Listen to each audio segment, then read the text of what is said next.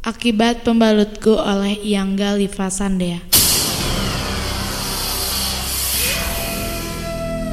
Kututup pintu kamarku yang terbuka itu. Cepat-cepat ku berbaring lagi.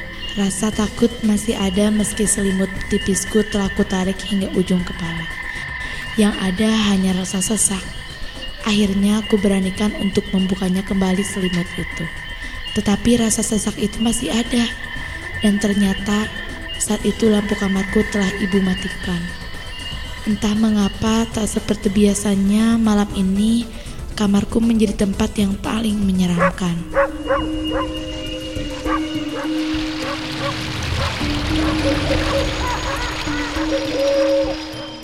Aku tidak tahu kenapa rasa takut itu tiba-tiba aku rasakan. Aku lihat sekitar kamarku, tak ada yang menakutkan. Semua benda dan barang-barang yang ada masih terletak pada tempat yang seharusnya. Akan tetapi, aku benar-benar tidak bisa dan tidak ingin menoleh ke arah kanan, di mana terdapat pintu kamar mandi yang sedikit terbuka. Kuraba-raba tempat tidurku mencari handphone untuk mengetahui pukul berapa saat itu. Tiba-tiba terdengar suara dentingan jam besar di ruang keluarga. Hanya sekali berdenting, artinya malam ini tepat pukul satu tengah malam. Kutemukan handphoneku dan kulihat ternyata dugaanku benar. Malam ini pukul satu tengah malam. Bulu kuduku berdiri, keringat dingin mengalir dari pundak hingga tulang sumsum belakang. Rasanya malam ini baju tidurku basah seperti disiram oleh literan keringat. Ku ingat-ingat ada keganjalan apa siang hari tadi. Tapi seingatku tidak ada apa-apa. Tak lama samar-samar terdengar suara keran air dari kamar mandi menyala. Semakin lama semakin jelas dan semakin ingin ku tak mendengarnya. Suara itu semakin berada dekat dengan telingaku. Tiba-tiba dengan perlahan pintu itu pun terbuka dengan sendirinya. Aku berusaha untuk berpositif thinking. Ah, mungkin angin. Gunamku dalam hati sembari menghilangkan ketakutan. Lalu, siapa yang menyalakan air itu? Kurai kembali handphoneku dan kutekan salah satu tombolnya. Hah? Masih pukul satu lebih sepuluh? Ya ampun, lama sekali 10 menit yang kulewati malam ini Tuhan. Keluhku pada semesta.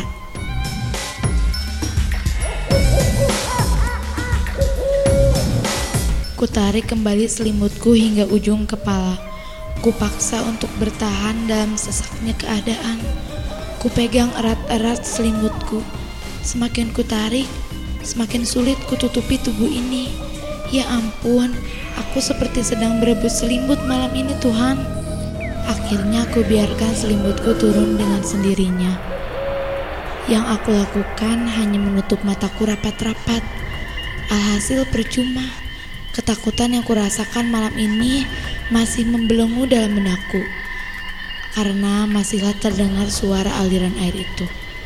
Ah, aku baru ingat tadi setelah lepas maghrib pembalut yang telah kugunakan belum sempat kucuci.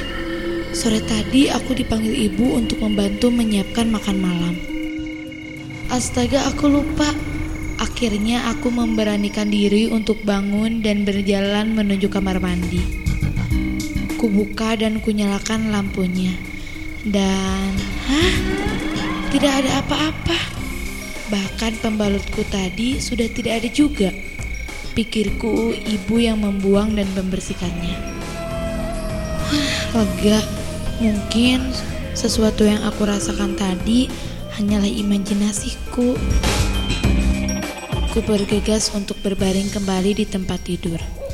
Seperti biasa, ditemani beberapa boneka besar dan guling yang amat teramat kucintai. Memang kamarku menjadi tempat yang benar-benar kucintai. Tetapi malam ini, kamarku menjadi salah satu tempat yang asing bagiku. Terasa dingin dan tercium aroma yang tidak menyenangkan. Ku coba kembali mencari handphoneku Lalu ku menyinari sebagian yang ada di kamarku itu. Tepat di wajahku ku melihat, Hah? Apa itu? Lalu kurai dan tergenggamlah itu semua. Astaga, itu rambut. Setelah aku genggam rambut itu, tiba-tiba hidungku seperti bertemu dengan hidung lain. Masih dalam keadaan menutup mata, dengan cepat ku membukanya dan langsung kurai handphoneku lalu ku pancarkan sinarnya. Ah, kali ini aku memang berhadapan dengan makhluk yang tidak pernah aku temukan sebelumnya. Berambut panjang, berwajah pucat sembari melihatku dan tersenyum lebar dengan menggunakan kain putih kotor yang ia kenakan. Sungguh mulai saat ini ku percaya bahwa makhluk seperti itu memang benar-benar ada. Kali ini aku tidak bisa apa-apa. Aku hanya terdiam, lemas, seluruh tubuhku menggigil. Bahkan aku tak mampu untuk mengucapkan satu kata pun. Ia semakin mendekatiku, tersenyum di atas pucatnya wajah, tertawa layaknya seseorang yang merasa puas dengan kemenangan. Ia tertawa kembali dengan tawaan yang mencengkamku. Aku mendengarnya dengan jelas, bahkan hampir seperti berbisik di telingaku. Badanku semakin menggigil. Aku benar-benar ketakutan. Tak lama, aku pun tak sadarkan diri. Pagi harinya, ibu menceritakan kepadaku bahwa semalam aku ternyata mimpi buruk dan berteriak sangat kencang. Seingatku, malam itu aku mengalami sesuatu yang tidak bisa ungkapkan dengan kata-kata. Malam itu malam yang paling menakutkan bagiku. Tetapi aku berusaha untuk mempercayai cerita ibu. Setelah ibu meninggalkan kamarku, aku bergegas untuk membereskan kamar.